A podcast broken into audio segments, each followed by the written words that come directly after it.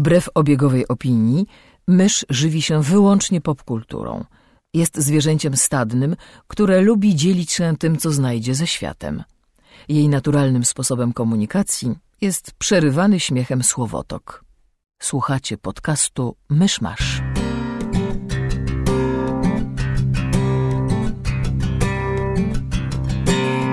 Gospodarzami podcastu Myszmasz są Krzysiek Sera, redaktor portalu Avalon.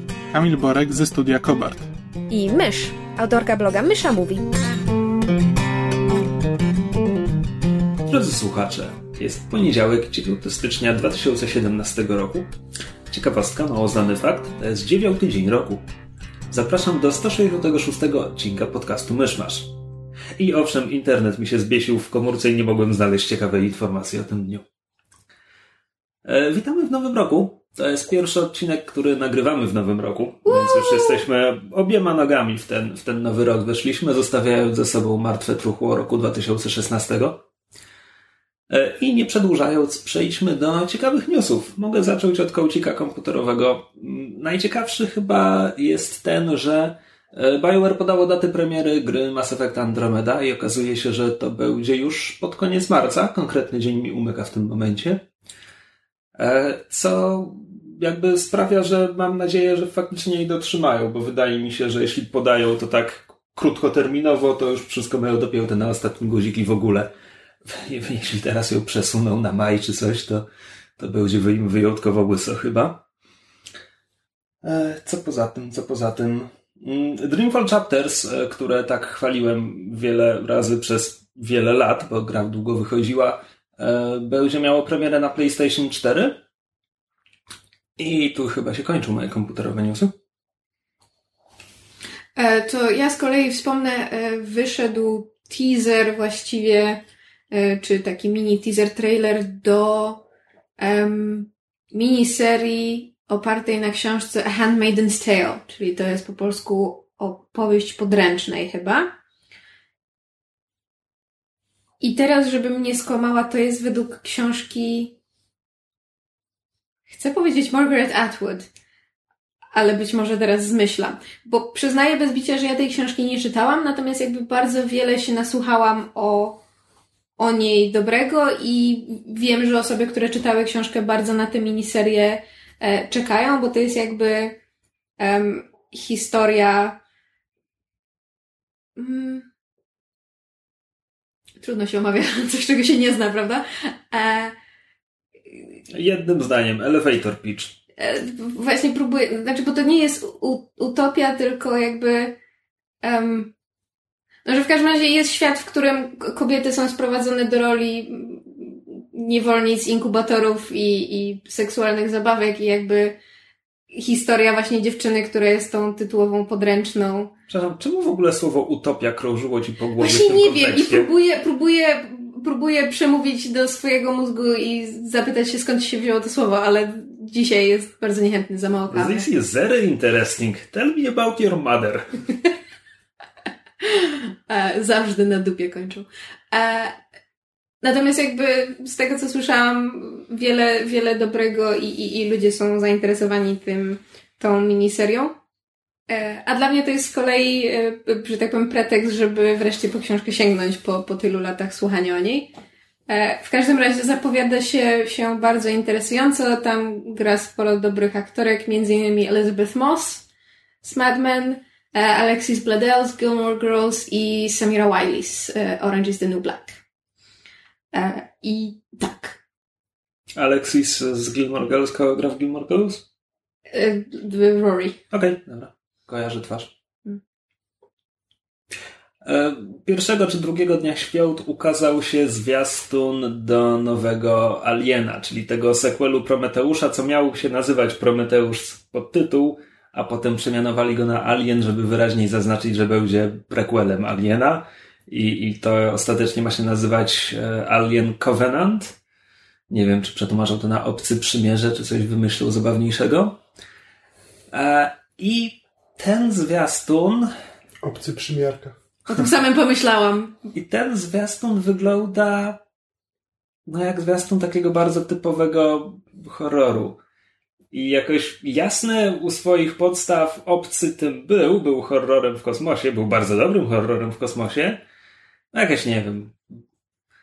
Trudno, trudno w sumie oczekiwać, żeby po tylu latach, żeby po Prometeuszu nagle, nagle zwiastun obcego w reżyserii Scotta jakoś nam nie zadziałał, szczerze mówiąc. To znaczy, Zbyt wiele razy się sparzyłem. ja, ja się bardzo dużo naczytałam i nasłuchałam po tym, jak ten trailer wyszedł, że o, że widać, że znowu będzie beznadzieja, że po Prometeuszu to już nikt nie ma, nikt na nic nie, nie liczy, że w ogóle Scotta powinni od tego odsunąć i w ogóle co on sobie myśli, niech już zostawi to biedne truchło Aliena w spokoju i przestanie się nad nim pastwić. Ja jakby nie mam żadnego emocjonalnego stosunku do serii Alien. Widziałam pierwszego Aliena, widziałam Aliens i okej, jakby rozumiem, że jak, że można te filmy lubić, że jak to się oglądał, kiedy wyszły, to jakby e, oddziaływały mocno i można mieć do nich sentyment, natomiast ja jakby tego sentymentu nie mam i, i, i filmy są jakby to, co robią, robią dobrze, natomiast nie, nie wywołują we mnie żadnych silnych emocji i byłam ciekawa jakby tego trailera na zasadzie Jezu, to, to, to jaki on musi być, że wszyscy tak na niego strasznie Znaczy, jest, jest żaden. Jest znaczy, ale, żaden. ale wiesz co, ja obejrzałam ten trailer i zgadzam się, że, że wygląda jak typowy trailer typowego horroru, tylko że w kosmosie. Natomiast tak jak rozumiem, że po Prometeuszu, którego wciąż nie widziałam i nie mam zamiaru, e, bo mówię, ta seria to nie jest, nie jest coś, co mnie kręci, ale jakby rozumiem, że po Prometeuszu ludzie mają duże wątpliwości, natomiast nie uważam, że jeżdżenie po tym trailerze jest nieuzasadnione. I tak samo na przykład mi, mi się bardzo podobało, jak wykorzystano cover e, piosenki Nature Boy, mimo że jakby to jest jeden z tych trailerów, który e, wpada w tendencję wykorzystajmy piosenkę jak najbardziej odbiegającą od, od gatunku i, i, i tonu, który próbujemy przekazać, na zasadzie e, juxtaposition, przeciwstawienia, ale dla mnie to działało, ale ja po prostu bardzo lubię tę piosenkę, uważam, że, że dobrze w tym trailerze jakby zadziałała i budowała takie poczucie napięcia, przynajmniej w moim wypadku. Absolutnie nie pamiętam muzyki z tego trailera. Kamil wie, o czym mówię. Zwiastunu. Kamil, który czyta telefon. Boy. Tak. No. Dziękujemy za wkład. I tym żywiołowym akcentem witamy w odcinku Kamila. Nie, no to było bardzo, bardzo fajnie użyta piosenka, tylko że tak, więc... Znaczy, no, we mnie ten trailer nic tam szczególnego nie obudził. Też nie, nie uważam, że to jest, o mój Boże, straszne i Ridley Scott y, tańczy na grobie Aliena. Ale po prostu, no tak. Jak się nazywa ta aktorka? To jest nijaki trailer. Catherine Waterson, Emily Waterson, Chyba Catherine Watterson, ta, która grała... ta, która gra w fantastycznych zwierzętach. E, Ciekawostka z planu Aliena. Jej fryzura w tym filmie jest inspirowana fryzurą Ezry Millera w fantastycznych zwierzętach. To wiele tłumaczy. Okej. Nie wiem, dlaczego ktoś chciałby jej zrobić taką krzywdę. Ona sama to chciała. Ona, ona stwierdziła, że wzięła jedną z peruk Millera z planu i pokazała się Scottowi i powiedziała, pozwól mi to zrobić. Wow. Okej, skoro chciała, to nie będę, nie będę, nie będę jej tego wypominać. E, nie, po prostu y, zastanawiało mnie, dlaczego ludzie tak jeżdżą po tym trailerze. Mnie on podpasował i, i, i mile połechtał, że tak powiem, moją em, e, sympatię do trailerów, które fajnie korzystają z nietypowej Ja muzyki. Z drugiej mańki widziałem też głosy zachwytu, że u, wreszcie, no to będzie rewelacja, odkupi grzechy Prometeusza i tak dalej. I tak samo nie rozumiem tego, tego zachwytu. Tak jak nie rozumiem jeżdżenia po tym zwiastunie, nie rozumiem też zachwytów. Dla mnie on jest żaden. No teaser, po prostu teaser. A z drugiej strony, wiesz, każdy ma swoje jakieś tam e, sympatie, antypatie. Em, z, a propos oceniania filmu z góry, em, powoli pojawiają się, pojawia się coraz więcej informacji i pojawiły się już chyba ze dwa czy trzy e, fotosy, nazwijmy to, cudzysłów, ilustracje z najnowszego filmu Pixara pod tytułem Coco, który ma opowiadać o młodym, bodajże 12-letnim chłopcu imieniem Miguel, jeśli się nie mylę, który jest członkiem em, rodziny bodajże szewców w jakiejś małej em, latynoamerykańskiej wiosce, ale on w skrytości ducha bardzo pragnie zostać muzykiem. I w, podczas świętowania Dia de los Muertos przez przypadek trafia do krainy umarłych i potem przy pomocy swojej muzyki musi się stamtąd jakoś wydostać, przy okazji poznając swoich przodków. Jeżeli ktoś słysząc to myśli sobie, ja już widziałem ten film, you're not wrong, to było The Book of Life, um, przeuroczy, nietypowo e, zanimowany film, który wyszedł e, parę lat temu, w którym głosy podkładali m.in. E, Channing Tatum i Diego Luna.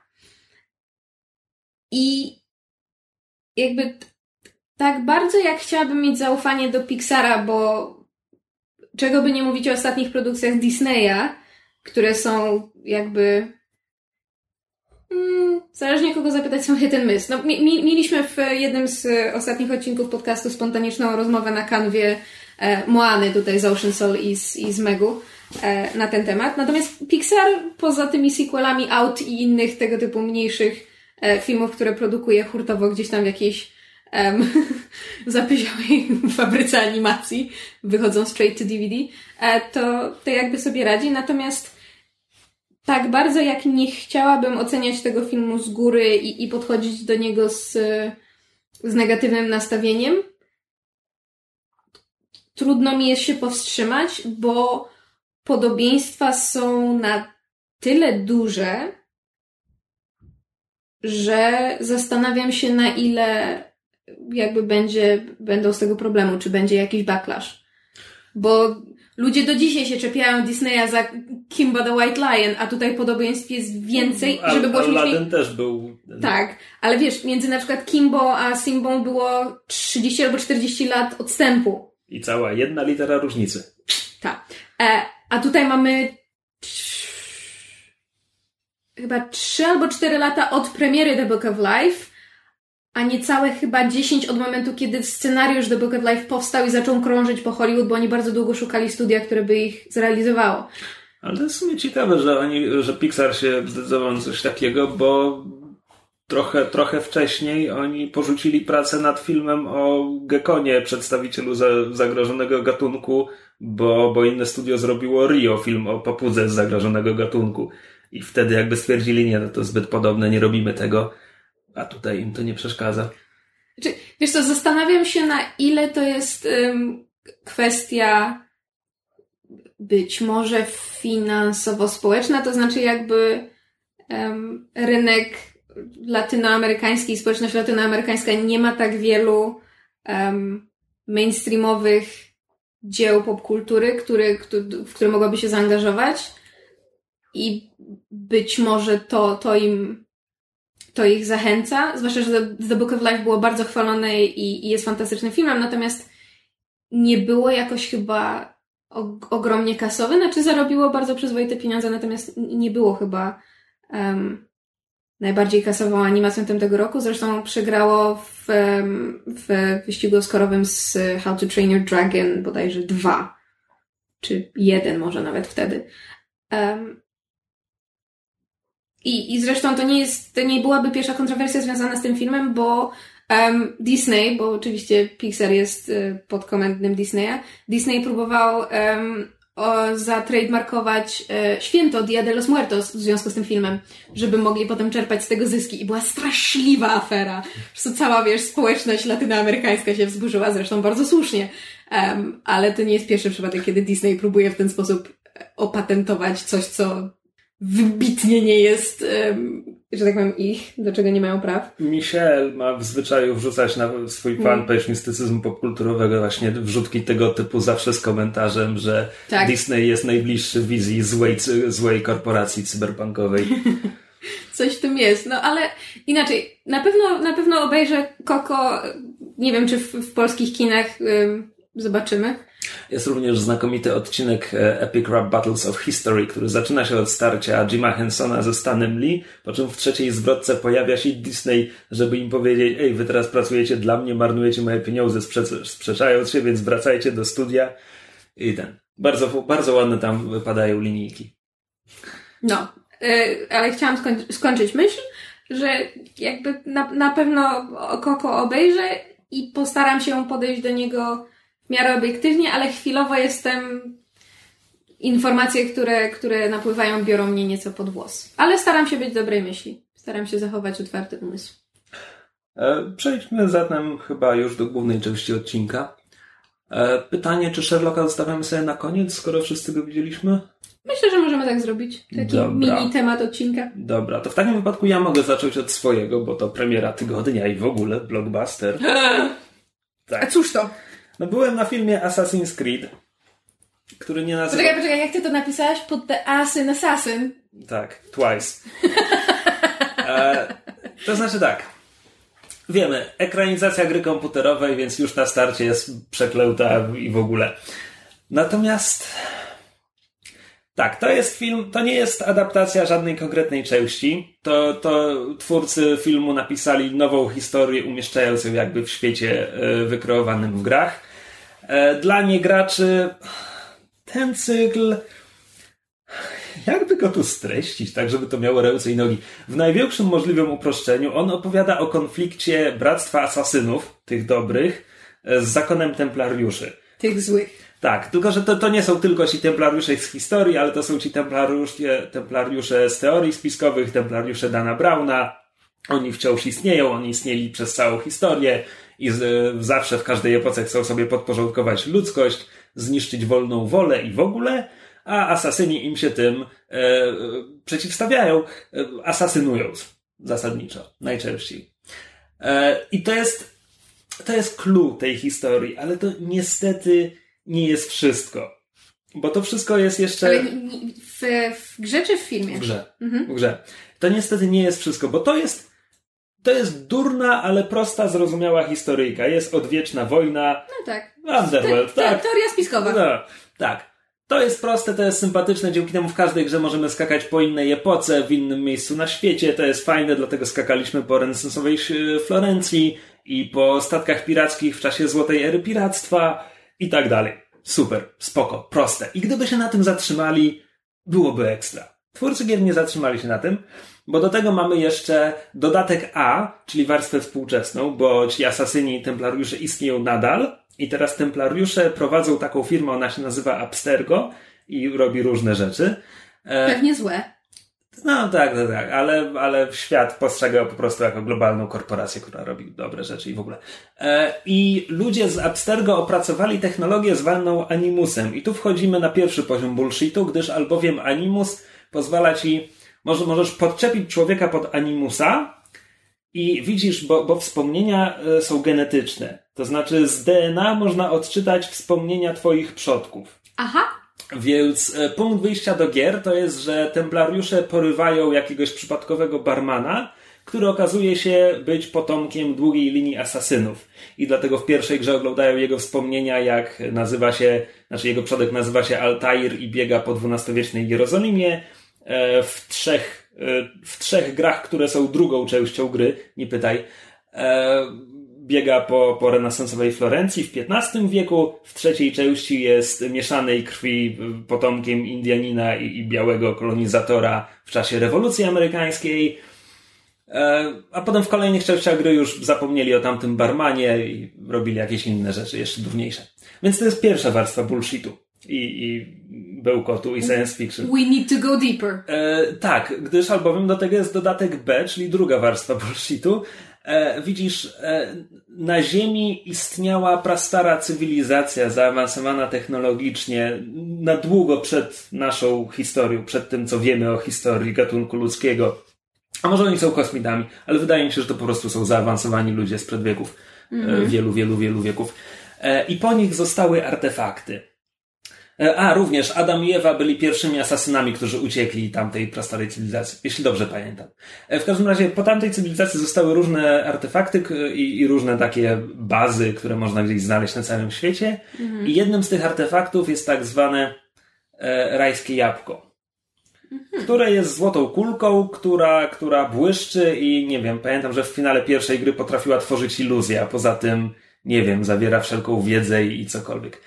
E, I w grach gwóźdź każdej jednej gry to jest to skakanie po historycznych zabytkach i mordowanie ludzi kilkaset lat temu, ale każda z tych gier ma do tego klamrę narracyjną, która toczy się współcześnie, bo właśnie tam ktoś czyta czyjeś DNA czy cokolwiek. E, I przez to trzeba, znaczy tam też jest jakaś intryga, tam też są jacyś bohaterowie, to nie jest tak kompletnie beznadziejne. Ja, ja to tam całkiem lubiłem w pierwszej, w, w pierwszych trzech grach bodajże Kristen Bell grała współczesną asasynkę, więc jakby przez sympatię dla aktorki e, zwracałem uwagę na to, co się dzieje. W każdym razie to są gry. I w tych grach masz tam iluś tych ludzi we współczesności, których wspomnienia czytamy, e, iluś tych historycznych asasynów. Tych gier jest w tym momencie, nie, to jest chyba osiem części głównego cyklu, plus do tego spin-offy na różne inne platformy i tak dalej. offshoty, znaczy Tak, one-shoty, tak, offshooty. dokładnie, dokładnie. I w końcu przechodzimy do filmu. I film jakby bierze ten świat wykreowany w grach, nie bierze postaci z gier i dopisuje swoją historię. I pierwsze co robi, i na przykład i Habot w swojej recenzji w internecie mówił, że to wcale nie jest podstawowy problem tego filmu, a ja myślę, że jednak jest. Na pewno jest jednym z nich. Bo pierwsze co robi, to odwraca proporcje.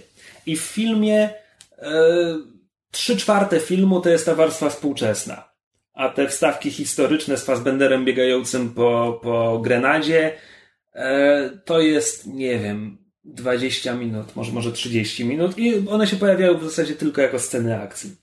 Tak jak w każdej z tych gier jakby bohaterem, którego zapamiętywaliśmy był właśnie ten historyczny przodek, w tym filmie ten gość, on się nazywa Aguilar i, i bardzo kocha swoją e, koleżankę asasynkę, której imię chyba nawet nie pada w filmie, i to, to jest jakby, to jest jego charakter. To jest to, co ja ci potrafię o nim powiedzieć.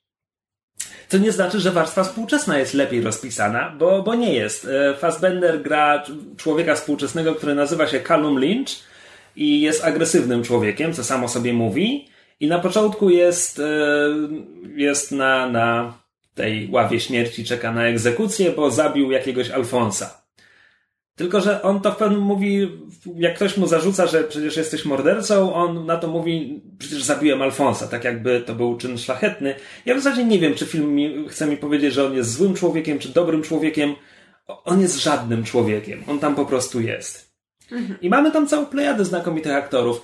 Bo, aha, no tak, no bo na Kalumie Lynchu zostaje dokonana egzekucja, ale on nie ginie, bo Abstergo zadziałało, więc świat myśli, że ta egzekucja się odbyła, tak naprawdę tylko go uśpili i Abstergo go wywiozło do swojego kompleksu w Madrycie bodajże, e, gdzie podłączają go do Animusa, żeby zbadać jego wspomnienia, gdyż albowiem Abstergo odkryło, że jego przodek Aguilar w 1492 w okolicach Grenady gdy walczył z inkwizytorem Torquemadą, miał w ręku rajskie jabłko. A Abstergo bardzo chce znaleźć rajskie jabłko, gdyż albowiem jest to klucz do e, czegoś. To znaczy, e, Jeremy Irons, który jest szefem te, tego konkretnego zakładu Abstergo. Przepraszam, ale jak słyszę Jeremy Irons w filmie That Never Bodes Well. Nie no, Jeremy Irons grał w znakomitych filmach. W ciągu ostatnich pięciu lat? Nie. No No właśnie. Czymś trzeba płacić za ten różowy zamek. Tak. Za co? Jeremy Irons dość słynnie kupił sobie zamek, a potem go przemalował na taki pastelowy łososiowy. Ma różowy zamek. Okej. No jest Jeremy Irons i e, Marion Cotillard, która gra jego córkę i jednocześnie szefową tego projektu w ramach zakładu czy fundacji kierowanej przez Jeremy'ego Ironsa. E, Cotillard gra szefową działu naukowego, który prowadzi te badania w Animusie. I oni porywają różnych ludzi ze świata, którzy są którzy są potomkami asasynów, żeby czytać ich wspomnienia, ale również część z nich jest aktywnymi asasynami. A, mo, a może stali się aktywnymi asasynami po tym, jak w Animusie zobaczyli swoich przodków i stwierdzili, że to jest fajne? To jest trochę trudno powiedzieć, bo film nam nic o nich nie mówi. W sensie na ekranie jest z pięcioro tych asasynów, tylko jeden dostaje imię. E, natomiast przemiana postaci Fassbendera w tym filmie jest. No no jest. Ja ci mogę powiedzieć, że on się zmienia. Ja ci nie mogę powiedzieć, czemu on się zmienia. Znaczy, film chyba sugeruje, że on się zmienia na podstawie tego, co przeżywa, oglądając wspomnienia swojego przodka. Problem w tym, że jego przodek nie przeżywa niczego poza, poza paroma fajnymi bijatykami i jedną, jedną pogonią po dachach. To znaczy, okej, więc podsumujmy to wszystko, co na razie powiedziałem. Fabuła jest żenująca, jest żadna. Po prostu tam nie ma żadnej postaci, o której dałoby się coś powiedzieć. Oni tam są, wygłaszają ekspozycję. Wygłaszają ekspozycje pełne, pełne, to są rozmowy pełne zdań typu musimy zdobyć rajskie jabłko, żeby wyplenić klątwę wolnej woli i zapanować nad ludzkością, ale przede wszystkim dzięki temu uwolnimy świat od kreda asasynów. W ogóle to kredo asasynów, to tytułowe kredo asasynów. Ja ci mogę je zacytować, bo nie cytują w filmie. To jest e, nic nie jest prawdziwe, wszystko jest dozwolone. Plus do tego parę zdań, których nie pamiętam. Co jakby, jeśli by to rozumieć tak, jak te słowa brzmią, to oznacza, że hulaj dusza piekła nie ma i mogę was zamordować w tym studiu, jeśli chcę, bo nic nie jest prawdziwe i wszystko jest dozwolone. I, i, I, jeśli film chce mi to powiedzieć, to ja chyba kibicuję templariuszom, bo to nie brzmi jak coś fajnego, ale to asasyni są tymi dobrymi. Z jakiegoś powodu. Oczywiście templariusze chcą nam odebrać wolną wolę, więc okej, okay, tutaj trochę widzę, ale z drugiej strony między wolną wolą a hulaj dusza piekła nie ma jest spora szara strefa. No Ale tak. to asasyni są tymi dobrymi. Z jakiegoś powodu. E, dialogi są straszne. No tak, oni, oni wszyscy chcą uwolnić świat od kreda asasynów. I, i tak to powtarzają. Kreda asasynów. No, przepraszam, ale za każdym, razem jak, jest? za każdym razem jak mówisz, by uwolnić świat, to ja chcę dopowiedzieć od, od dewastacji, bo mi się Pokémony włączają. A to nie była super świnka czy coś takiego? Nie, to jest... Um, był... Nie, czy uchronić by uchronić świat od dewastacji, by zjednoczyć wszystkie ludy naszej nacji. To jest super świnka. Nie, to jest, to jest... drużyna R, bo to jest um, uchronić Oni chcą uchronić świat od dewastacji? Tak, poczekaj, to, nie, to było by uchronić świat od dewastacji, by zjednoczyć wszystkie ludy naszej nacji, miłości i prawdzie nie przyznać racji, by gwiazd dosięgnąć będziemy walczyć. Jesse James, zespół R walczy w służbie zła, więc poddaj się lub do walki stań, miał to fakt. Nie pytaj, czemu ja to pamiętam. Współczuję tłumaczowi, który musiał to wymyślić. E, w każdym razie, wracając do filmu, no więc fabuła jest żadna. Wstawki historyczne okej, okay, są. Są po to, żeby film miał sceny akcji. E, do tego dochodzą takie strasznie dziwne pomysły na zasadzie, ponieważ Animus w grach to jest po prostu system komputerowy, coś, co się, się podłącza do mózgu i po prostu jak człowiek jest w Animusie, to leży sobie na kozetce i ogląda te wspomnienia przodka. Więc jasne, rozumiem decyzję filmowców, że no to będzie nudne, jeśli będziemy patrzeć na tego Fassbendera, który leży i śpi. Oczywiście wtedy prosta, proste rozwiązanie, nie pokazujcie mi Fassbendera, który leży i śpi, pokazujcie mi tego Fassbendera w przeszłości, bo to jest to fajne. No więc oni wymyślili sobie, że Animus to będzie takie wielkie ramię, które się wyłania z sufitu, chwyta Fassbendera i nim e, majta po całym pomieszczeniu, jako ten element imersji i co chwila, kiedy mamy sekwencję historyczną, mamy, co chwila mamy cięcie, żeby pokazać tego Fassbendera we współczesności. Co czasami, kiedy te obrazy się przenikają, te współczesne i historyczne, to jakoś wygląda, ale to, to mnie zawsze jakby wyrywa z filmu, bo oglądam sobie mhm. wstawkę historyczną, a nagle jestem... To jest oczywiście ten animus jako to ramię, to wygląda fajnie, ale to nie ma sensu. Bo to ma ten podstawowy problem, co, co współczesne hełmy VR. Tak, założysz to na głowę i możesz iść do przodu 5 metrów, ale potem twoje pomieszczenie się kończy. I teraz grę trzeba tak zaprojektować, żebyś co chwila zawracał czy coś, czy żebyś w ogóle się tak naprawdę nie poruszał. Więc to ramię, wiesz, jak ono mi wypycha Fassbendera do góry, bo on się w tym momencie wspina po budynku na dach katedry, jasne. Ale film jakby nigdy mi nie pokazuje, co się dzieje, kiedy on już się wspiął te 5 metrów i ramię musi go teraz obniżyć, znowu ściągnąć na podłogę. To by chyba psuło tę imersję, której to ramię miało służyć ale chrzanić ramię, bo ono naprawdę nie jest największym problemem tego filmu. Scenariusz jest żaden, jest żenujący. To, to po prostu ten film jest nudny. Ten film jest pełen ekspozycji, która niczego tak naprawdę nie tłumaczy, jeśli chodzi o motywację bohaterów i tak dalej, bo to są po prostu puste hasła, puste slogany. E, to jest zero treści, zero charakteru. Tam naprawdę nie ma postaci, która ma jakiś charakter. Od tej strony to jest żenada. I w związku z tym ja w zasadzie żałuję, że ten film jest technicznie dobrze zrobiony. Bo, bo jakby technicznie był też żenujący, to przynajmniej wszystko byłoby jasne. A tak, kurczę, ja byłem pod wrażeniem tego, jak ten film wygląda. To znaczy, ma bardzo fajne, bardzo fajną scenografię. To laboratorium Abstergo to jest, oni jakoś wybudowali przyszłościowe laboratorium chyba w ruinach jakiejś średniowiecznej, czy jeszcze starszej katedry, czy czegoś, więc tam masz stare mury i, i szkło i, i, laboratoria i to wygląda super. E, kadry są świetnie zaaranżowane, znaczy w trakcie tych śmiertelnie nudnych rozmów Ja naprawdę podziwiałem to, jak, jak scena wygląda, jak jest wykadrowana. E, to jest po prostu, jeśli chodzi, wiesz, o, o język filmowy, to tam jest na czym zawiesić oko. To jest bardzo ładnie zrobione. A kto to kręcił? E, nie pamiętam, kto zrobił zdjęcia. Reżyserem był człowiek, który zrobił tego Macbetha z Fassbenderem. A, tak, dobra, rzeczywiście. E, tylko y, to jest warstwa współczesna, bo kiedy akcja przenosi się do historii, to tam jakoś już skończyły się pomysły na to, jak to ciekawie pokazać i po prostu są sceny akcji, które wyglądają nieźle, bo mają dobrą choreografię i w ogóle. Plus do tego są strasznie komputerowe panoramy, kiedy kamera ci przelatuje nad miastem i na to jest nałożony jakiś taki paskudny brązowy filtr, nic nie widać. Więc, więc to tam, tam to się kończy. A, i tę fajną pracę kamery i niezłe zdjęcia zażyna montaż, który jest po prostu kiepski. I to na zasadzie, ja ostatnio linkowałem na fanpage'u y, do takiego wideo eseju na kanale Folding Ideas, nazywał się a bodajże Suicide Squad and the Art of Montage. Widzieliśmy. I to było takie 25 minut, gdzie gość tłumaczy, czemu Suicide Squad ma beznadziejny montaż na wielu poziomach i jednocześnie wykłada jakby czym jest poprawny montaż, czemu ma służyć w filmie i tak dalej. Strasznie fajny film. E, tak, no więc można sobie obejrzeć ten filmik, a potem obejrzeć Assassin's Creed i właśnie wyłapywać te miejsca, gdzie jest jakieś idiotyczne cięcie, które potem, e, po którym następuje powrót do poprzedniego ujęcia, tylko jest trochę cofnięte i jakby jest to wszystko bez sensu i chaotyczne. E, więc jakby to wszystko podsumować. Zawsze pojawia się argument, że, że to jest film dla fanów, że wy nie graliście w gry, więc nie rozumiecie. Ja grałem w te gry. Ja lubię te gry. E, jasne, nie grałem we wszystkie, bo tego jest od cholery, plus nie mam na czym nie grać od wielu lat. Ale ja lubię Asasyny.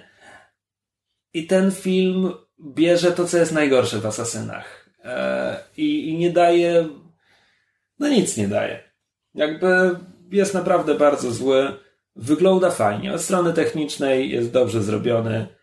Jeśli tylko. No to jest taka bardzo specyficzna kategoria widza. Ktoś, kto chodzi do, do kina, żeby podziwiać to, jak film jest zrobiony, a, a nie po prostu, żeby dać się wciągnąć w historię. A tutaj nic nie wciąga, bo tu nie ma historii. Mhm. Jest, jest żenada. Aczkolwiek muszę, e, muszę pochwalić takie dochowywanie wierności grom, bo na przykład kiedy w tym kompleksie we współczesności dochodzi do walki, to okazuje się, że wszyscy ci e, strażnicy Abstergo, tam nikt nie ma pistoletu, nikt nie ma broni palnej. No, tak. no bo... to, to akurat jest zgodne ze światem. No tak, tak, tak. To jest głupie, ale to jest zgodne ze światem gier. No, więc to jest Assassin's Creed. E, nie, nie warto. Naprawdę nie warto. Ja oglądałem e, jeszcze jakiś czas temu Netflixowy film Spectral. Zobaczyłem trailer na IO9. Nawet wspominałeś w podcaście. Tak. E... Dog Soldiers z duchami. Właśnie mieliśmy. Nie oglądałem Dog Soldiers. Mieliśmy obejrzeć Dog Soldiers, to miała być praca domowa. Bardziej, bardziej trochę jak Aliens z duchami. E... Znaczy, historia, historia jest taka, że gdzieś w jakimś wschodnioeuropejskim państwie, w którym toczy się wojna, żołnierze trafiają nagle na, na coś dziwnego, co ich zabija. Przepraszam, ale to, to jest rzeczywiste państwo, czy jakaś transsymkaria? Chyba jakaś transsymkaria. Eee... E, no i nie wiadomo, nie wiadomo o co chodzi, tam cały, ten, cały oddział ginie w, i więc e, tam władze wzywają e, specjalistę z DARPA, który ma jakąś kamerę właśnie, która widzi w, w różnych spektrach światła i tak dalej, pomaga żołnierzom i tworzył dla nich te, te, taką technologię. Więc zabierają go, żeby on z tą kamerą tam pojechał razem z oddziałem kolejnym i zobaczył o co chodzi. No i się okazuje, że to są jakieś, że jakieś duchy tam są, które po prostu jednym, znaczy które po prostu w momencie, kiedy ci dotykają, to cię zabijają. Eee, I nie wiadomo o co chodzi, nie wiadomo skąd się wzięły, nie wiadomo jak z nimi, e, jak z nimi walczyć, więc ten, ten biedny naukowiec musi coś wymyśleć a z kolei oddział, oddział żołnierzy e, musi tam stać, krzyczeć, strzelać i, e, i żartować. no i, I pod tym względem to jest zbudowany jak Aliens, no, że to jest po prostu, to jest taki film o bohaterze zbiorowym. Bohaterem zbiorowym jest ten oddział żołnierzy, plus mamy tego naszego naukowca, plus jakąś tam panią, która, która tam jest jego łącznikiem, też tam jest na tej misji. E, I oni są głównymi bohaterami tego filmu, plus, e, plus ci żołnierze, którzy tak są, są w tle, jakby mają swoje, mają swoje jakieś charaktery, ale raczej funkcjonują jako oddział, jako właśnie ci, którzy e, tam muszą, muszą walczyć i tylko patrzymy, który, który następny zginie i dlaczego. To nie jest wielkie kino. E, to nie jest nic, co zrobiło na mnie jakieś ogromne wrażenie pod, e, pod jakimś konkretnym względem, ale naprawdę fajnie mi się ten film oglądało. Jest trochę głupawy, są tam rozwiązani, czym są właściwie te duchy. Nie wiem, czy tam jest jakaś podbudówka pod sequel, czy jeszcze po prostu e, czy będą mieli zamiar rozwijać to uniwersum, bo tam jest parę niewyjaśnionych, niewyjaśnionych kwestii. E, ale, ale jest naprawdę dobrze zrobione. Znaczy, jakby efekty, z, efekty jak na to, że to jest no, film Netflixowy, nie miał premiery w kinach. W ogóle historia jest taka, że on miał mieć premierę w kinach, ale się mm, dystrybutor wycofał, więc Netflix go wykupił i dokończył i po prostu e, na swojej platformie go pokazał. E, ale przede wszystkim to jest bardzo dobrze zrobiony film akcji, jakby dobrze skonstruowany pod kątem jakby um, tempa, e, struktury e, tego, w jaki sposób przywiązujemy się do postaci, nawet do tych postaci tych żołnierzy, którzy, tak jak mówiłem, swoich charakterów szczególnie nie mają.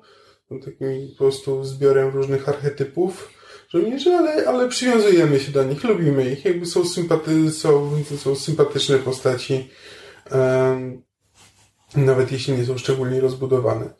I po prostu od początku do końca się bardzo przyjemnie, tu film chyba nie jest długi, on tam trwa, nie wiem, półtorej godziny, e, więc to jest po prostu takie bardzo porządne, rozrywkowe kino. Okej, okay, ale tak mówiłeś, że Alien z duchami, ale na poziomie Aliens? Dawno Aliens nie oglądałem, więc ja w tym momencie nie jestem, nie jestem do końca wiarygodny, bo nie wiem, czy mi się Aliens podobało, bo, e, bo jak go oglądałem, to byłem w liceum i po prostu fajnie się strzelali. Czy tam rzeczywiście w tym filmie było coś więcej? Nie pamiętam tego. Oglądałem go zbyt dawno temu. Zresztą no, Aliens jest bardzo dobrym filmem sensacyjnym z mocną protagonistką która, w której budzą się matczyne instynkty i w ogóle tam. Myśmy zresztą razem ten film Krzysiek oglądali. Znaczy, ja go widziałem i wcześniej. To... Nie, ale w sensie ten, ten pierwszy raz, kiedy ja ten film widziałam, to było tak. z tobą z Ocią Smegu. Tak. Czy prawdopodobnie nie jest na poziomie Aliens, bo to jest po prostu bardzo mocny przeciętniak. E, to nie jest coś, co bym powiedział, że u, musisz obejrzeć ten film koniecznie. Nie, to jest, możesz obejrzeć ten film, jeśli akurat jesteś na Netflixie i e, szukasz czegoś w miarę fajnego, to, to, to jest w miarę fajny film. To już dużo więcej niż ja mogę powiedzieć o Assassin's Creed. No tak. Nie, jest, jest naprawdę fajny, znaczy naprawdę go polecam. Ale jest e, po prostu nie tak, że wrzućcie wszystko i idźcie go oglądać, bo to jest jakiś e, nieznany, nieznany klejnot e, minionego roku, tylko po prostu to raczej, jeśli ktoś lubi tego typu filmy, filmy akcji, to, to, to, to moim zdaniem się nie powinien jakoś szczególnie zawieść. To ja z kolei, e, nawiązując do um, miniserii, które wkrótce będziemy oglądać i tego, jak one mnie inspirują do czytania książek, za które się wcześniej zapomniałam zabrać, dostaniemy miniserię, um, czy nawet technicznie rzecz biorąc serial, trudno stwierdzić, na podstawie kryminałów J.K. Rowling pisanych pod pseudonimem Robert Galbraith, to się chyba wymawia, o Kormoranie Strajku. E, I ja jakby miałam świadomość tych kryminałów, nigdy po nie nie sięgnęłam. W sumie, mimo sympatii do kryminału, rzadko je czytam. Zaskakująco. E, natomiast kiedy się dowiedziałam, że w ekranizacji ma grać e, Tom Burke, który grał Atosa w um, Muszkieterach BBC, aktor, którego bardzo lubię, to stwierdziłam, a dobra, to w takim razie sobie przeczytam. E, I byłam bardzo mile zaskoczona. To znaczy, jakby wiele słyszałam na temat tego, że um, jakby Potter Potterem, ale Rowling oprócz tego potrafi um, dobrze pisać i, i odnajduje się też w innych gatunkach. I rzeczywiście, e, to znaczy ja nie przepadam, nazwijmy to ideologicznie, za, za, za tymi e, norweskimi kryminałami, które nam się w ostatnim czasie wyroiły. To nie jest tak, że ja jakikolwiek czytałam. Okej, okay. wyjaśnij. dlatego, dlatego mówię, że ideologicznie jakby mi, mi przeszkadzają. To znaczy ja ja się wychowałam na kryminałach Agaty Christie i na Sherlocku Holmesie jakby dla mnie fajny jest element zagadki, tajemnicy, rozpracowywania tego i ewentualnie jakiejś psychologii postaci, to znaczy wiesz, roz, y, próby rozwiązania, dlaczego ktoś mógł popełnić taką, taką zbrodnię, co go motywowało i tak dalej. Ale nie jestem fanką treści przygnębiających, to znaczy nie lubię kończyć książki z poczuciem wszystko jest bez sensu, wszystko jest blade, szare i, i przygnębiające.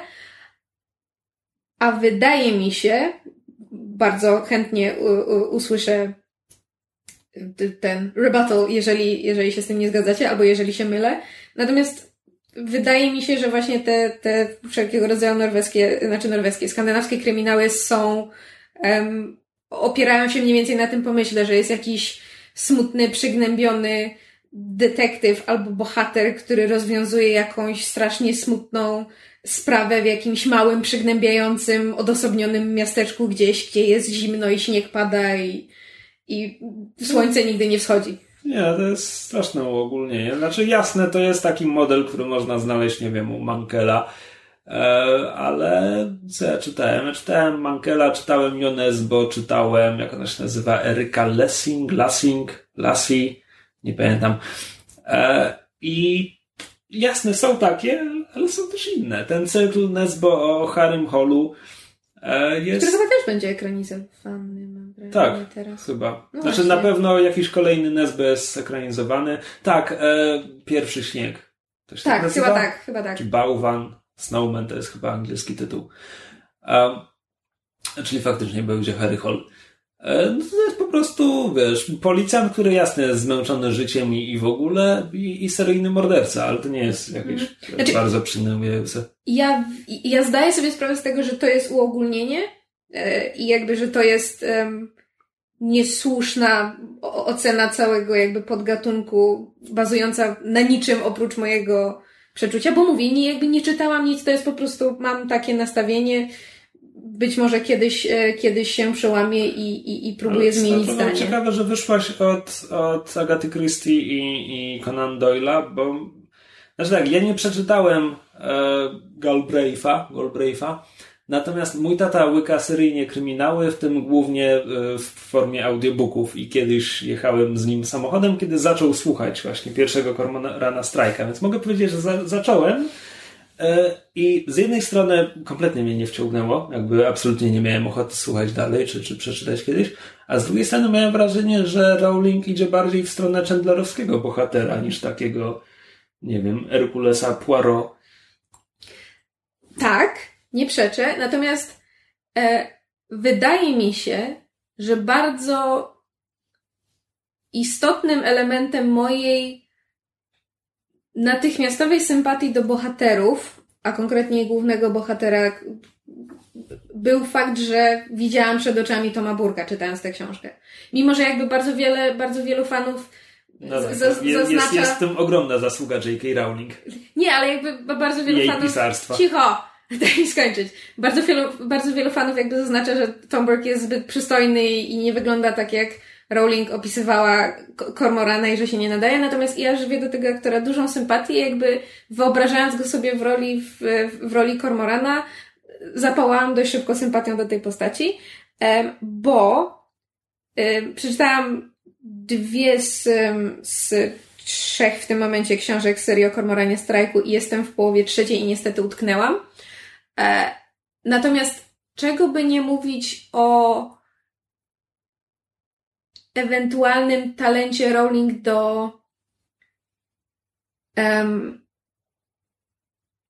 planowania historii kryminalnej, czyli jakby wiesz, dawania czytelnikom e, różnych wskazówek i, i, i prowadzenia swojego bohatera tą, tą zawiłą e, drogą różnych tam twistów, tajemnic, poszlak i tak dalej.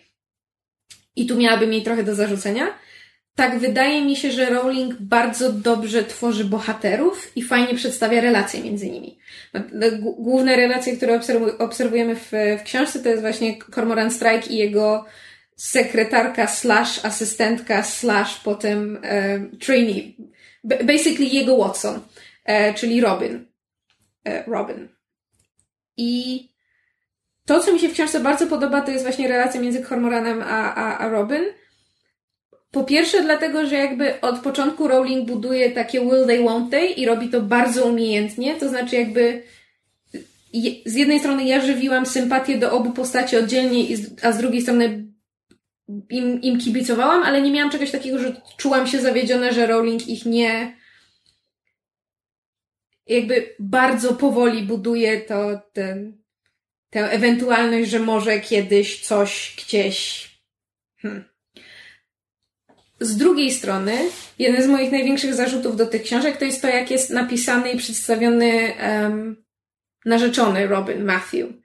Um, on jest jakby wprowadzony od początku i, i w pierwszej książce Robin jakby jest świeżo po, po oświadczynach, które przyjęła, jest super szczęśliwa, rozstrzybiotana i potem jak zaczyna pracować do Kormorana, to jakby pojawiają się pierwsze zgrzyty między nią a Matthew, bo on jakby um, nie podoba mu się, że ona pracuje w, w jakby w biurze detektywistycznym, natychmiast zakłada, że Kormoran będzie próbował coś z nią teges.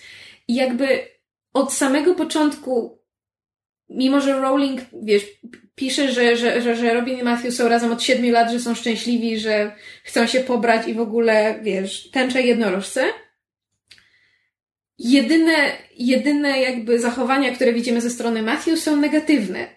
I jakby od początku jesteśmy do niego negatywnie nastawieni i ja uważam to za bardzo takie, to po angielsku nazywa ham-fisted, znaczy takie nachalne. Jakby ona od początku nastawia czytelnika negatywnie do Matthew, więc kiedy spoiler, przychodzi do dość oczywistego rozłamu w tym związku, to jakby jesteśmy po stronie Robin, jesteśmy, jesteśmy jakby po stronie Kormorana, to znaczy uważamy, że, że Robin ma rację. I to jest o tyle ciekawie z, z kolei podbudowane, że poprzez opisywanie coraz bardziej psujących się relacji między Robin a, a, a jej narzeczonym Matthew, mam wrażenie, że Rowling opowiada w pewnym sensie historię emancypacji bohaterki. Bo ona jakby niby była szczęśliwa w tym związku, ale widzimy, że, że nie spełniała się zawodowo, że nie spełniała się życiowo, że ze względu na traumę, którą przeszła, jakby um, jej, jej ambicje poszły w odstawkę i przestała się rozwijać, po prostu stała się. Um, żyła wygodnie, zamiast jakby podążać za swoimi marzeniami. I z książki na książkę mam wrażenie, że poprzez poprzez pokazanie, jak Robin coraz bardziej uświadamia sobie, jak ograniczający jest związek z Matthew i, i ile tak naprawdę ich różni, że opisuje właśnie taką drogę emancypacji. I to mi się bardzo podoba. To jest rzeczywiście zrobione um, fajnie rozłożone na te wszystkie trzy książki. Nie jest to zbyt um, nachalnie poprowadzone. Kupuję to. I zastanawia mnie właśnie taki jakby pewien chaos, który jest w tych książkach, bo są elementy, które są bardzo fajne, a są elementy, które są właśnie takie nachalne. I jednym z takich nachalnych elementów, wracając do tego, co mówiłam o prowadzeniu przez Rowling wątków kryminalnych, to jest. Nawiązując jeszcze na moment do Agaty Christie, kiedy, kiedy jakby Herkules Poirot w trzech czwartych książki stwierdza, ja wiem, kto zabił, ale jeszcze wam nie powiem, zbierzemy wszystkich i wtedy wszystko wyłożę. Okej, okay, no po prostu Poirot ma taki styl. Natomiast Agata Christie moim zdaniem, przynajmniej w części swoich książek, pisała swoje zagadki kryminalne w taki sposób, żeby czytelnik mógł się domyślić. Zwłaszcza jeżeli miał jakby ileś już kryminałów przeczy przeczytanych zapasem. to, to jakby był w stanie pewne rzeczy wydedukować. Natomiast po pierwsze, wydaje mi się, że Zależy od książki. Dzisiejszych żołnierzyków nie ma sensu. tak, morderstwo w Orient Expressie też trudno jest rozkminić finał, jeżeli nie wiesz. Natomiast Rowling moim zdaniem układa zagadki w taki sposób, że trudno jest się domyślić. To znaczy, moim zdaniem, za dużo rzuca fałszywych poszlak, próbując jakby na siłę skonfudować czytelnika.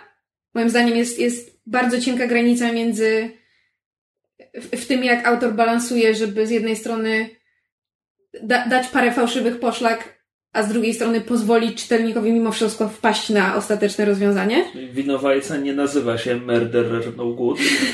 Znaczy, ale ja nigdy... No, no, nauczyciel, który jest wilkołakiem nazywa się Lupin. No, na litość boską. Jak głupia ona myśli, że dzieci są. No, Cio. A na imię ma Re- Remus, tak? Em, natomiast inna rzecz, która mi bardzo przeszkadzała i powtórzyło się to jak na razie w obu, obu książkach, to jest jakby. E, ja to w skrócie nazwałam, że, że się bawią w pronoun game. Tak jak w Cinema Sins bardzo często jest wytkane, że, że bohaterowie się bawią w pronoun game, czyli jakby określają kogoś, nie podając jego imienia, mimo że oboje wiedzą o kim mowa, tylko po to, żeby jakby widz nie mógł się domyślić. to on to zrobił. On? O, na, na, na, tej, na tej zasadzie. I tak jak Agatha Christie stworzyła... Znaczy, to, to, to nie na tym polega pronoun game. Znaczy, nie, No jak pronoun game, że jest jak jedna postać wie o kim mówi, znaczy jak z, mówi o kimś per on do postaci, która nie wie kim jest on. To jest to, że, No to nie jest, że to o, nie jest both? nie, to on to zrobił. Kim jest on? Te, ten, ten i w, tylko po to, żeby ktoś musiał zapytać, jaki on. Ob, ob, oba przykłady są wymieniane w Cinema Sins jako pronoun game. Tak? Tak, no, właśnie dlatego się pytałam, czy nie both. E, No, dobrze, to, że- nieważne, ale znaczy, jakby... Nie, bo jakby przykład z tym, że e, obie postaci mówią o nim per on, mimo że wiedzą o kim mówią, no to właśnie dziwniej by było, gdyby mówiły po, po imieniu, jeśli wiedzą o kim mówią. Naprawdę? Kiedy rozmawiam z Myszą o tobie, mówimy o tobie per Kamil. Znaczy, no... s- Znaczy, no dobra, zależy od kontekstu, no ale... Dobrze, nieważne, dygresja. E, to, to, do czego dążę, jakby wspominałam o, o Poirocie, który jakby trzyma, kart, prawda, trzyma karty przy orderach i do samego końca nie zdradza, kto zabił, bo robi z tego wielki dramat. Natomiast Rowling, przepraszam, Galbraith, mm, e, od mniej więcej trzech czwartych obu książek, kiedy wyraźnie mówi, że Cormoran już wiedział, kto zabił. I potem przez cały finał, mimo że jakby rozmawia wielokrotnie z, z e, Robin, albo są jego przemyślenia na temat sprawy, Rowling specjalnie nie mówi nam, jakby od momentu, kiedy Cormoran już wie, kto zabił, potem już jakby nie mamy żadnych poszlak. On wie, ale nam nie powie, bo jeszcze nie, bo coś tam. I to jest takie sztuczne, niemalże filmowe tworzenie, wiesz, suspensu. I mnie to strasznie denerwowało, bo, bo po prostu widziałam wyraźnie moment, w którym Rowling po prostu, wiesz, pokazywała mi, okej, bohater już wie, ale ty się nie dowiesz, póki ja, i póki ja na to nie pozwolę. Już więcej nie dostaniesz poszlak, już, już więcej ci nie powiemy i potem będziemy się tylko bawić w pronoun, w pronoun game, żeby się jeszcze bardziej zdenerwować. I tak bardzo jak mi się podobają bohaterowie tych książek i jak znajdę chwilę, to skończę tę trzecią i z przyjemnością obejrzę e, serial, tak nie nazwałabym Rowling mistrzynią gatunku kryminałów. Uważam, że ma jeszcze wiele do. ym, wiele się jeszcze musi w tym gatunku nauczyć. Jakby nie twierdzę, że jestem specjalistką od gatunku, natomiast ja osobiście uważam, że pewne rzeczy mogłaby robić lepiej pod względem tworzenia kryminałów, pisania kryminałów. No, a ja nie ukrywam, że za każdym razem, kiedy słyszę Cormoran Strike, to myślę o spracowanym kormoranie robiącym w fabryce, utrzymującym całą rodzinę z tego i w fabryce wybucha strajk, ale on musi pracować, żeby utrzymać rodzinę, ale koledzy związkowcy mówią mu, nie, słuchaj chłopie, ty musisz być z nami. To ja z kolei myślę o trzech dniach kondora z jakiegoś powodu. Kormorany nie mają nic wspólnego z kondorami, poza tą literką. I they're both birds. No, ale zupełnie inne. Tak. A właśnie, w Assassin's Creed co chwila przelatuje komputerowy orzeł. Orły, orły lecą. Po prostu. Dobra, e, przejdziemy od jednego detektywa do drugiego? Możemy. A zatem po trzech latach od ostatniego pełnego sezonu, trzech? Tak, trzech, bo już mówiliśmy o nim w podcaście, więc musieliśmy już wtedy nagrywać podcast. Po trzech latach od ostatniego pełnego sezonu Sherlock BBC autorstwa Moffata i... Gatisa. Właśnie. E, powrócił z kolejnym pełnym sezonem. Nie licząc odcinka świątecznego, który był po drodze. No, dlatego mówię pełny ja, sezon. Ja wiem, ale może ktoś nie wie, że był odcinek świąteczny po drodze na Boże Narodzenie. Jeden. No, można o nim zapomnieć, bo posuwał fabułę w ten sposób, że Sherlock wysiadł z samolotu i wsiadł do taksówki, więc no, to się wydarzyło. Warto było czekać. E, I w zeszłym tygodniu BBC wyemitowała odcinek The Six Touchers, który był no był. No, by, no był. Tak, pierwszy odcinek czwartego sezonu. Znaczy, może tak, w momencie, kiedy tyle lat czekamy, to chyba, to chyba wszystko byłoby jakimś rozczarowaniem, nawet gdyby ten odcinek był bardzo dobry. A nie był. Tak, to znaczy ten serial wiele razy i w wielu różnych formach zdołał sobie strzelić w stopę. No, rozwiń. To, to znaczy jakby sam fakt, że tak jak mówisz, jest bardzo długi czas oczekiwania między jednym a drugim sezonem. Nieważne, co oni zrobią, nigdy jakby nie zadowolą wszystkich. Znaczy już abstrahując od tego, że fanów nigdy się nie zadowoli, nigdy nie zadowoli wszystkich, to jakby to, co zdążymy sobie wymyślić albo to powiedzieć nigdy, raczej nigdy nie dorówna temu, co ostatecznie dostajemy. Zwłaszcza gdy wziąć pod uwagę, że zarówno Moffat, jak i Gatis mają, wydaje mi się, taką, um, jakby to powiedzieć, mają o sobie wysokie mniemanie e, i o tym serialu również. I traktują się trochę zbyt poważnie. Czy ktoś w internecie ładnie zauważył, że Gatis potrafi sobie pisać dobre sceny, bo faktycznie sceny z Minecraftem były chyba najlepsze w tym odcinku. Gatis go pisał. Nie, to wiem, ale jakby tam było parę fajnych scen. E, oprócz tego. E... E, może, e, może tak, to będzie, mówimy spoilerowo o tym. Tak, Minął tydzień. O, od razu. Właśnie. To uwaga, spoilery. No więc dla mnie takie klub problemu polega na tym, że ten Sherlock jest fajny, kiedy oni mają pomysł na półtora godzinny film telewizyjny z zamkniętą opowieścią, gdzie tam może w ostatniej minucie jest jakiś teaser co do następnego odcinka czy coś, ale zasadniczo to oglądam odcinek Sherlocka, dostaję półtora godzinny film telewizyjny, który jest takim klasycznym kryminałem remiksującym wątki z Conan Doyle'a. Jest spoko. Tymczasem Six Touchers no, no skupia się jednak na metaplocie, bo muszą sobie poradzić z Mary, bo mają z nią problem, bo ją wprowadzili w poprzednim sezonie i teraz trzeba ją wypisać, więc cały ten odcinek jest po to, żeby ją wypisać. Ty to tak ładnie ująłeś, a dzisiaj w rozmowie z Myszą stwierdziłem, że się masturbują swoją mitologią, bo to jest, to, to, to jest ten, ten rodzaj już e, iścia w ten, w to, tak, ten meta, metaplot. Iścia? Gdzie, iścia. Więc co powiedziałem. E, no, gdzie to nie ma nic ciekawego w tym, w tym, tylko to jest jedyna osoba, która się dobrze bawi przy tym serialu, to jest scenarzysta. I to wszystko. Okej, okay, tak. Znaczy, ja bym jeszcze był w stanie kupić taki odcinek, który się skupia na metaplozie, wiesz, nie za to lubię ten serial, bo ja, ja w poprzednim sezonie lubiłem Mary. Znaczy, ja, ja nawet Lubi, w tym lubiłem odcinku ją lubię. Lubiłem Watsona, Mary i Sherlocka. I w tym odcinku oni ją zabijają i ja kompletnie nic nie czuję, bo ja tak bardzo widzę, że, że scenarzyści chcą ją zabić, no bo Conan Doyle ją uśmiercił gdzieś tam poza kadrem, więc trzeba ją zabić, a poza tym to ona nam jest niepotrzebna, zaburzyła nam dynamikę postaci, no, plus Watsonowi będzie przykro, więc zawsze to jakiś kopniak dla postaci, tak więc trzeba ją zabić. No i, no i po prostu te skreuty fabularne, żeby doszło do sytuacji, w której ona zginie. Plus, szczerze mówiąc, ja się wyłączyłem w momencie, kiedy to jest nakręcone tak, że jest zbliżenie na kulę wylatującą z pistoletu i, i kula już jest w pół drogi, a, Mary się rzuca tak. między kulę a Sherlock. Jakby to był...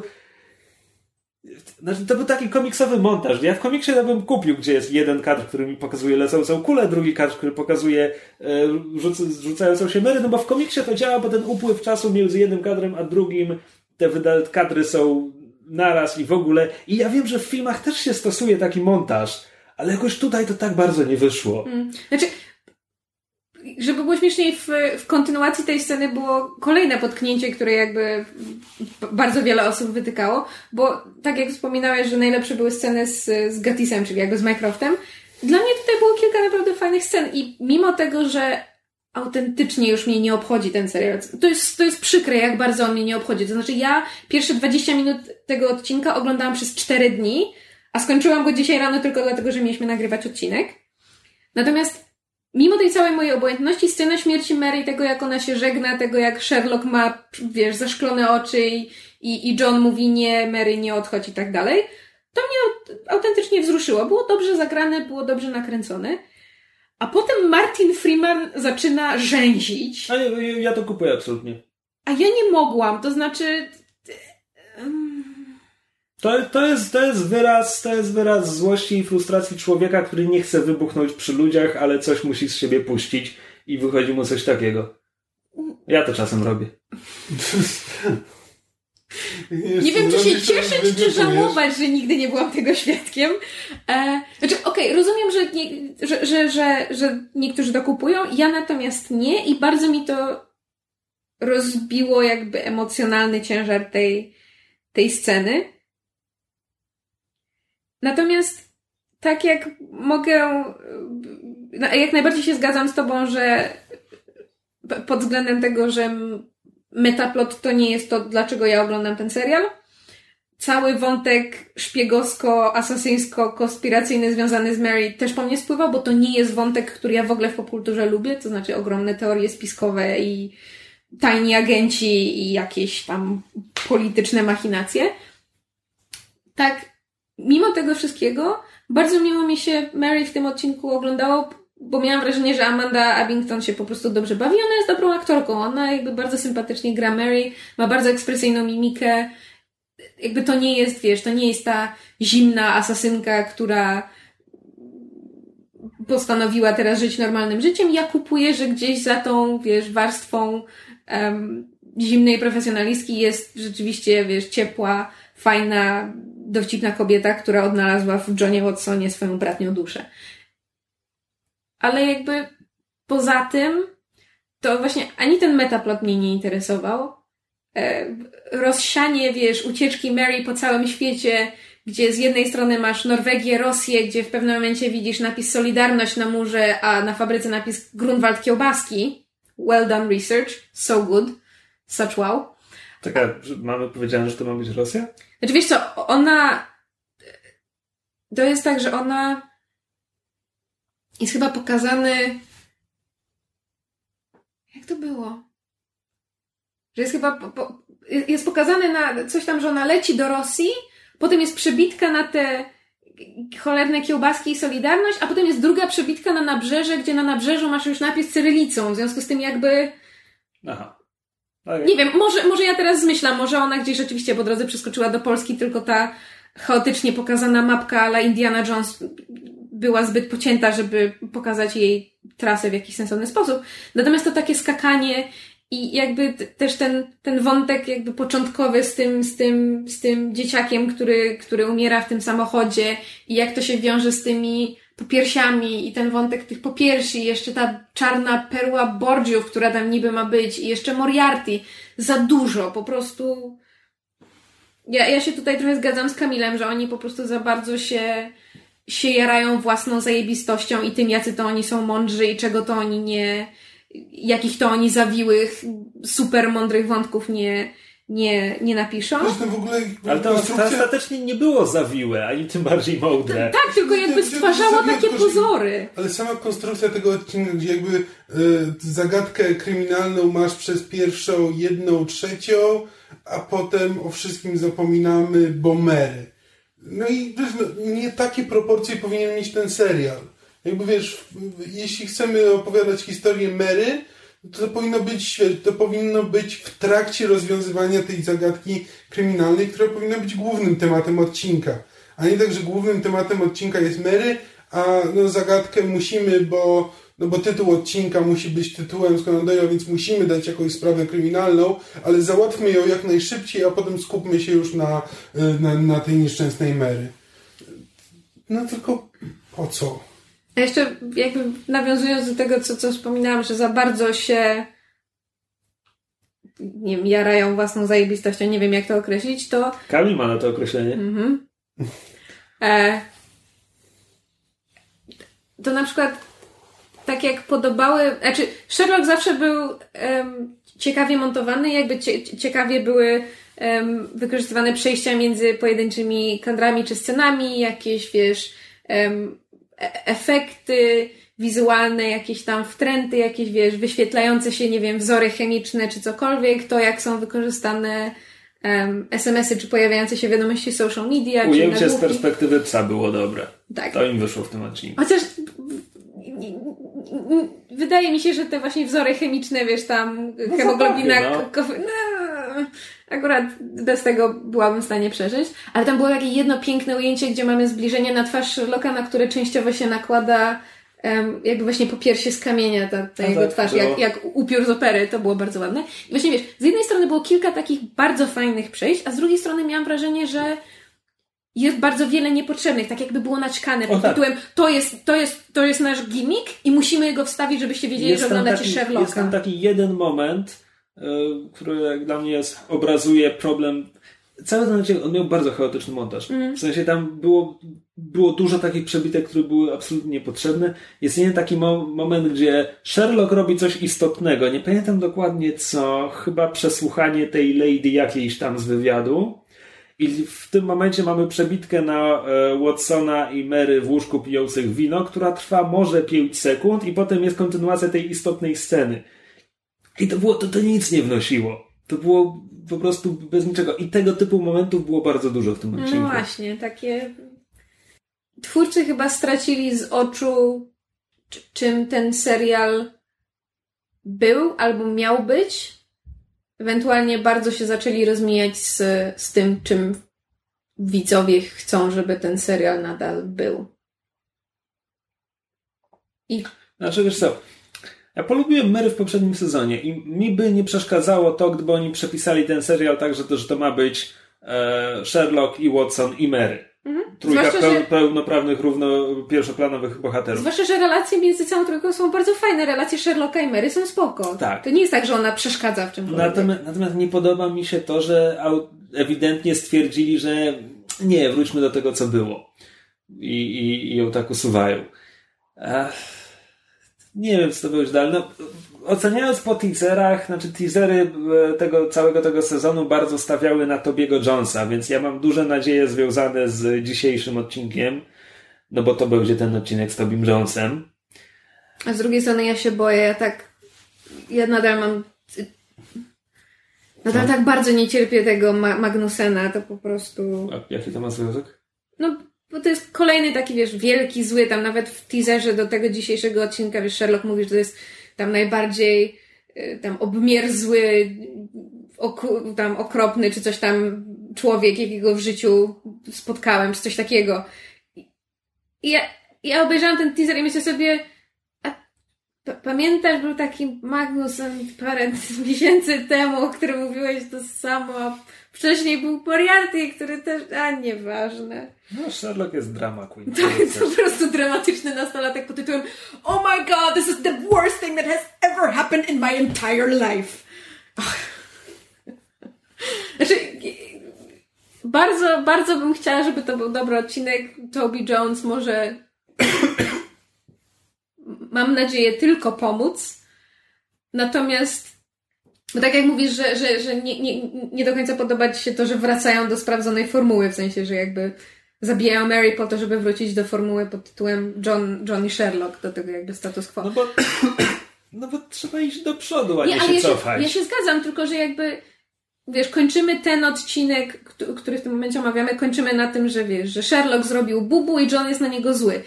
Ile razy już to widzieliśmy? To też jest w pewnym sensie wracanie do status quo, bo teraz w tym kolejnym odcinku to pojawi się jakieś wielkie zagrożenie i, i, i wiesz, i Sherlock zmusi albo namówi Johna, żeby mu pomógł. Okej, okay, ale czekaj, jakie bubu zrobił Sherlock? No właśnie. Ja wiem, że Watson obwinia go o śmierć Mary, ale. No właśnie nie wiem, ale najwyraźniej John ma jakieś. Kogoś musi. Kogoś musi, no bo Sherlock, Sherlock made a vow and he broke it. Ach, no tak, oczywiście. Ale poza tym też może wy mi powiecie, bo ja jakby. Ja nie wiem, czy ja. Czy mi się podoba wątek Johna w tym odcinku. Och nie, absolutnie nie. Dziękuję. So it's not just me. To znaczy, na siłę robienie z Johna nieidealnego. To znaczy, jakby to, jak to znaczy... często Mary w tym odcinku podkreśla, że jesteś idealny i i sprawiasz, że, że, że bycie idealnym jest, jest trudne, bo dla, tobie to przychodzi z taką łatwością i twórcy specjalnie wrzucają w to jakiś wątek romansowy, też przy okazji chyba, żeby śmierć Mary była bardziej bolesna, bo jest jakby jeszcze większą zdradą, bo on już się znaczy, zaczął tak. od niej odsuwać. No, Zwierz, Zwierz to ładnie napisała w swojej recenzji, że ta, ta gwałtowna ucieczka Mary pokazuje, że ona zawsze miała plan, że, żeby w każdej chwili mogła porzucić e, Watsona i dziecko, co pokazuje, że między nimi było strasznie dużo sekretów, w związku z czym to wcale nie był taki idealny związek, więc to jest tak trochę, można powiedzieć, równościowe. Mary miała tajemnicę, Watson miał swoją tajemnicę. Okej, okay akceptuję taką interpretację. Natomiast mi się nie podoba to, jak to było pokazane.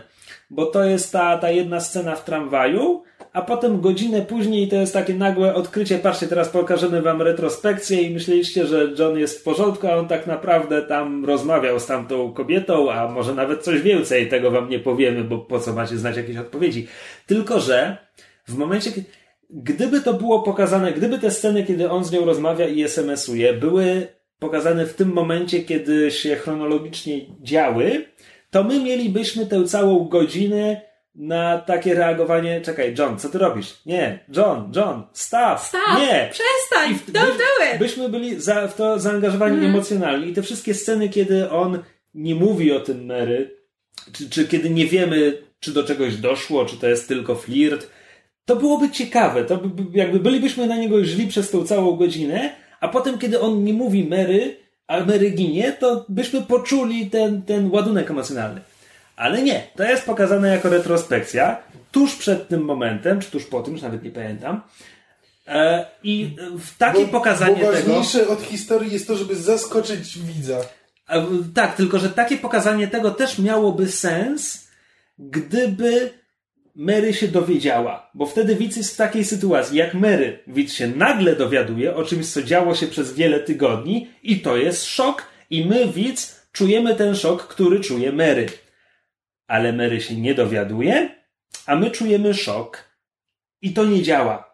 Mm. To, to się mija. W tym momencie środki mijają się z celem. A poza tym dla mnie się to też mija na takim poziomie, że jakby pomijając, że usuw w domyśle Mary, Mary jest usuwana po to, żeby przywrócić status quo, żeby był tylko znowu Johnny Sherlock. To jest usuwana także dlatego, żeby właśnie był ten ładunek emocjonalny, prawda? John, John cierpi, współczujemy, chcemy go przytulić. Ale w momencie, kiedy twórcy specjalnie próbują w naszych oczach jakby umniejszyć, znaczy umniejszyć Johna, jakby próbują nas manewrować w to, żebyśmy go w jakimś stopniu znielubili, fakt, że potem mamy z nim cierpieć po śmierci jego żony i mu współczuć, jakby automatycznie to zmniejszają, no bo, no bo on nie ma prawa tego tak strasznie przeżywać, przecież, przecież ją w domyśle zdradzał, nie był wierny, też miał sekrety, więc on wcale nie jest tutaj tym biednym, cierpiącym wdowcem, tylko jest jest jakby bardziej, prawda, szary, nie jest, to nie jest czarno-białe. I jakby, okej, okay, rozumiem złożoność i żeby lecieć właśnie w jakieś takie, żeby właśnie to nie było czarno-białe, żeby te emocje były bardziej skomplikowane, ale to było tak na siłę i to było tak niezręcznie zrobione. Jest mi, jest mi autentycznie przykro. I tak jak um, nie, nie, podobał, nie podobał mi się wątek Magnusena w trzecim sezonie i, i było wiele dyskusji na, w, w, że tak powiem, fandomie i wśród ludzi, którzy oglądali serial na temat tego, um, jak bardzo mruganie do fanów w trzecim sezonie było fajne lub nie. To jakby ten trzeci sezon, przynajmniej wtedy, kiedy go oglądałam, bo po fakcie to głównie żeśmy, żeśmy rozkładali na czynniki pierwsze i, i, i, krytykowali i mówili o tym, co nam się nie podobało, ale kiedy go oglądałam, sprawiał mi frajdę, oglądało mi się z, z przyjemnością. I jest mi tak strasznie smutno i przykro, że teraz to po mnie spływa i, i naprawdę nie obchodzi mnie już ten serial i to jest smutne. Dla mnie. No ale wiesz, przecież miałaś w tym odcinku bombę o trzecim bracie. Nie, to w poprzednim. Nie, w tym. Nie, o Sherin Fordzie dowiadujemy się w odcinku specjalnym. Naprawdę? Tak. Kiedy? Um, czy nawet w ostatnim odcinku poprzedniego sezonu. Ja nie wiem. No, w, którymś, w którymś momencie, kiedy są w tym samolocie i Mycroft rozmawia z Holmesem chyba a propos jego uzależnienia, to jest tekst pod tytułem Remember what happened to the third brother, czy coś takiego, czy Remember what happened to the other brother, or the third one. W każdym razie jest powiedziane, że jest tak? trzeci brat. A, tak. to nie pamiętam tego. Nie, bo ja obejrzałem ten odcinek i potem usiadłem do internetu i internet szaleje, że wow, trzeci brat potwierdzony, a ja tak? Kiedy? I potem w końcu doczytałem i oczywiście doskonale pamiętałem scenę, kiedy Mycroft sięga po telefon i mówi put me through to sharing to Ford, Tord, Third.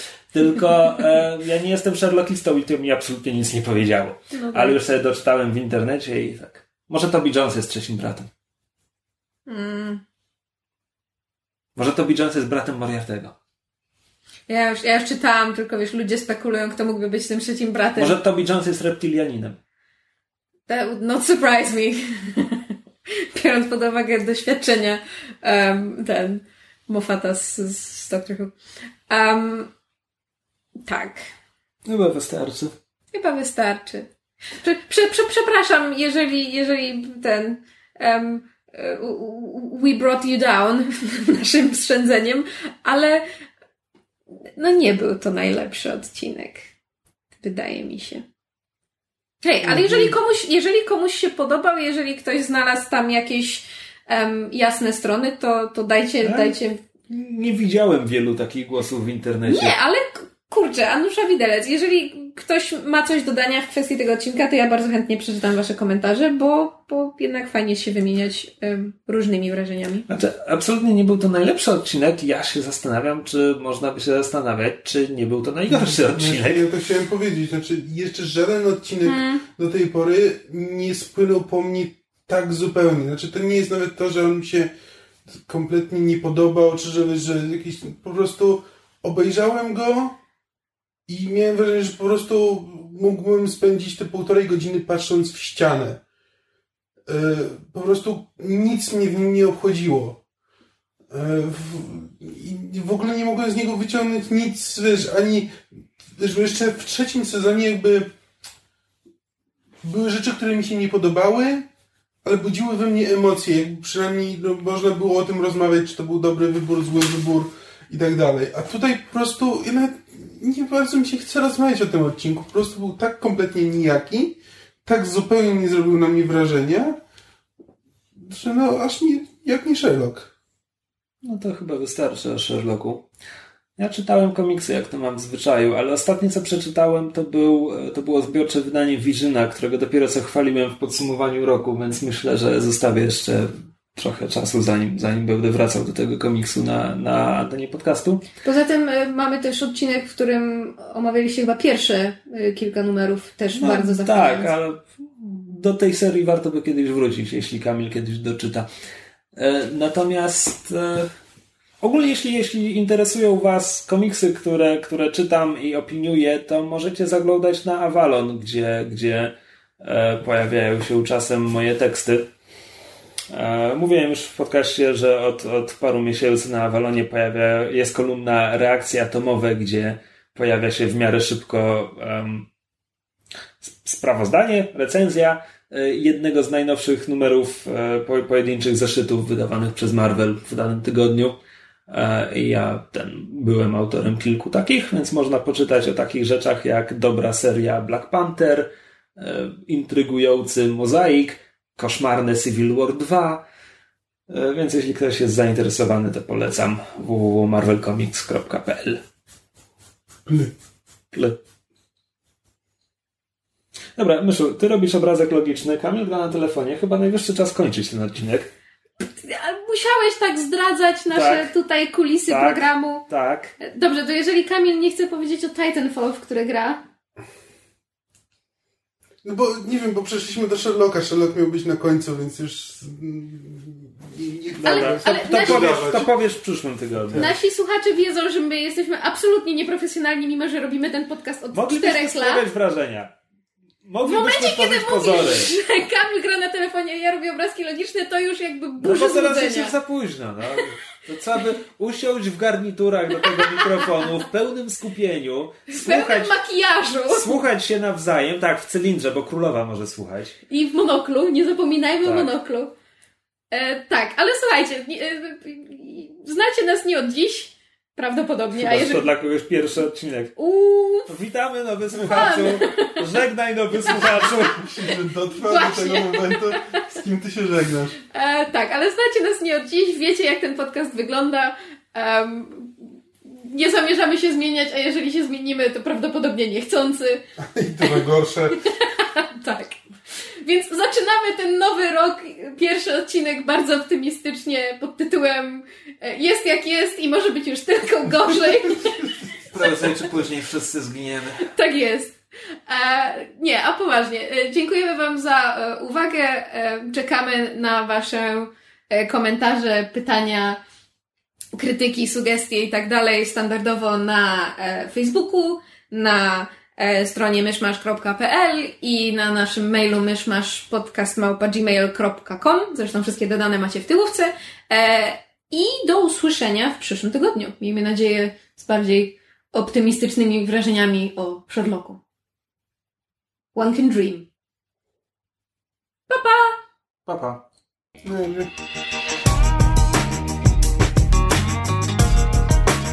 Słuchaliście podcastu Myszmasz. Możecie nas znaleźć na myszmasz.pl lub polubić nasz fanpage na Facebooku.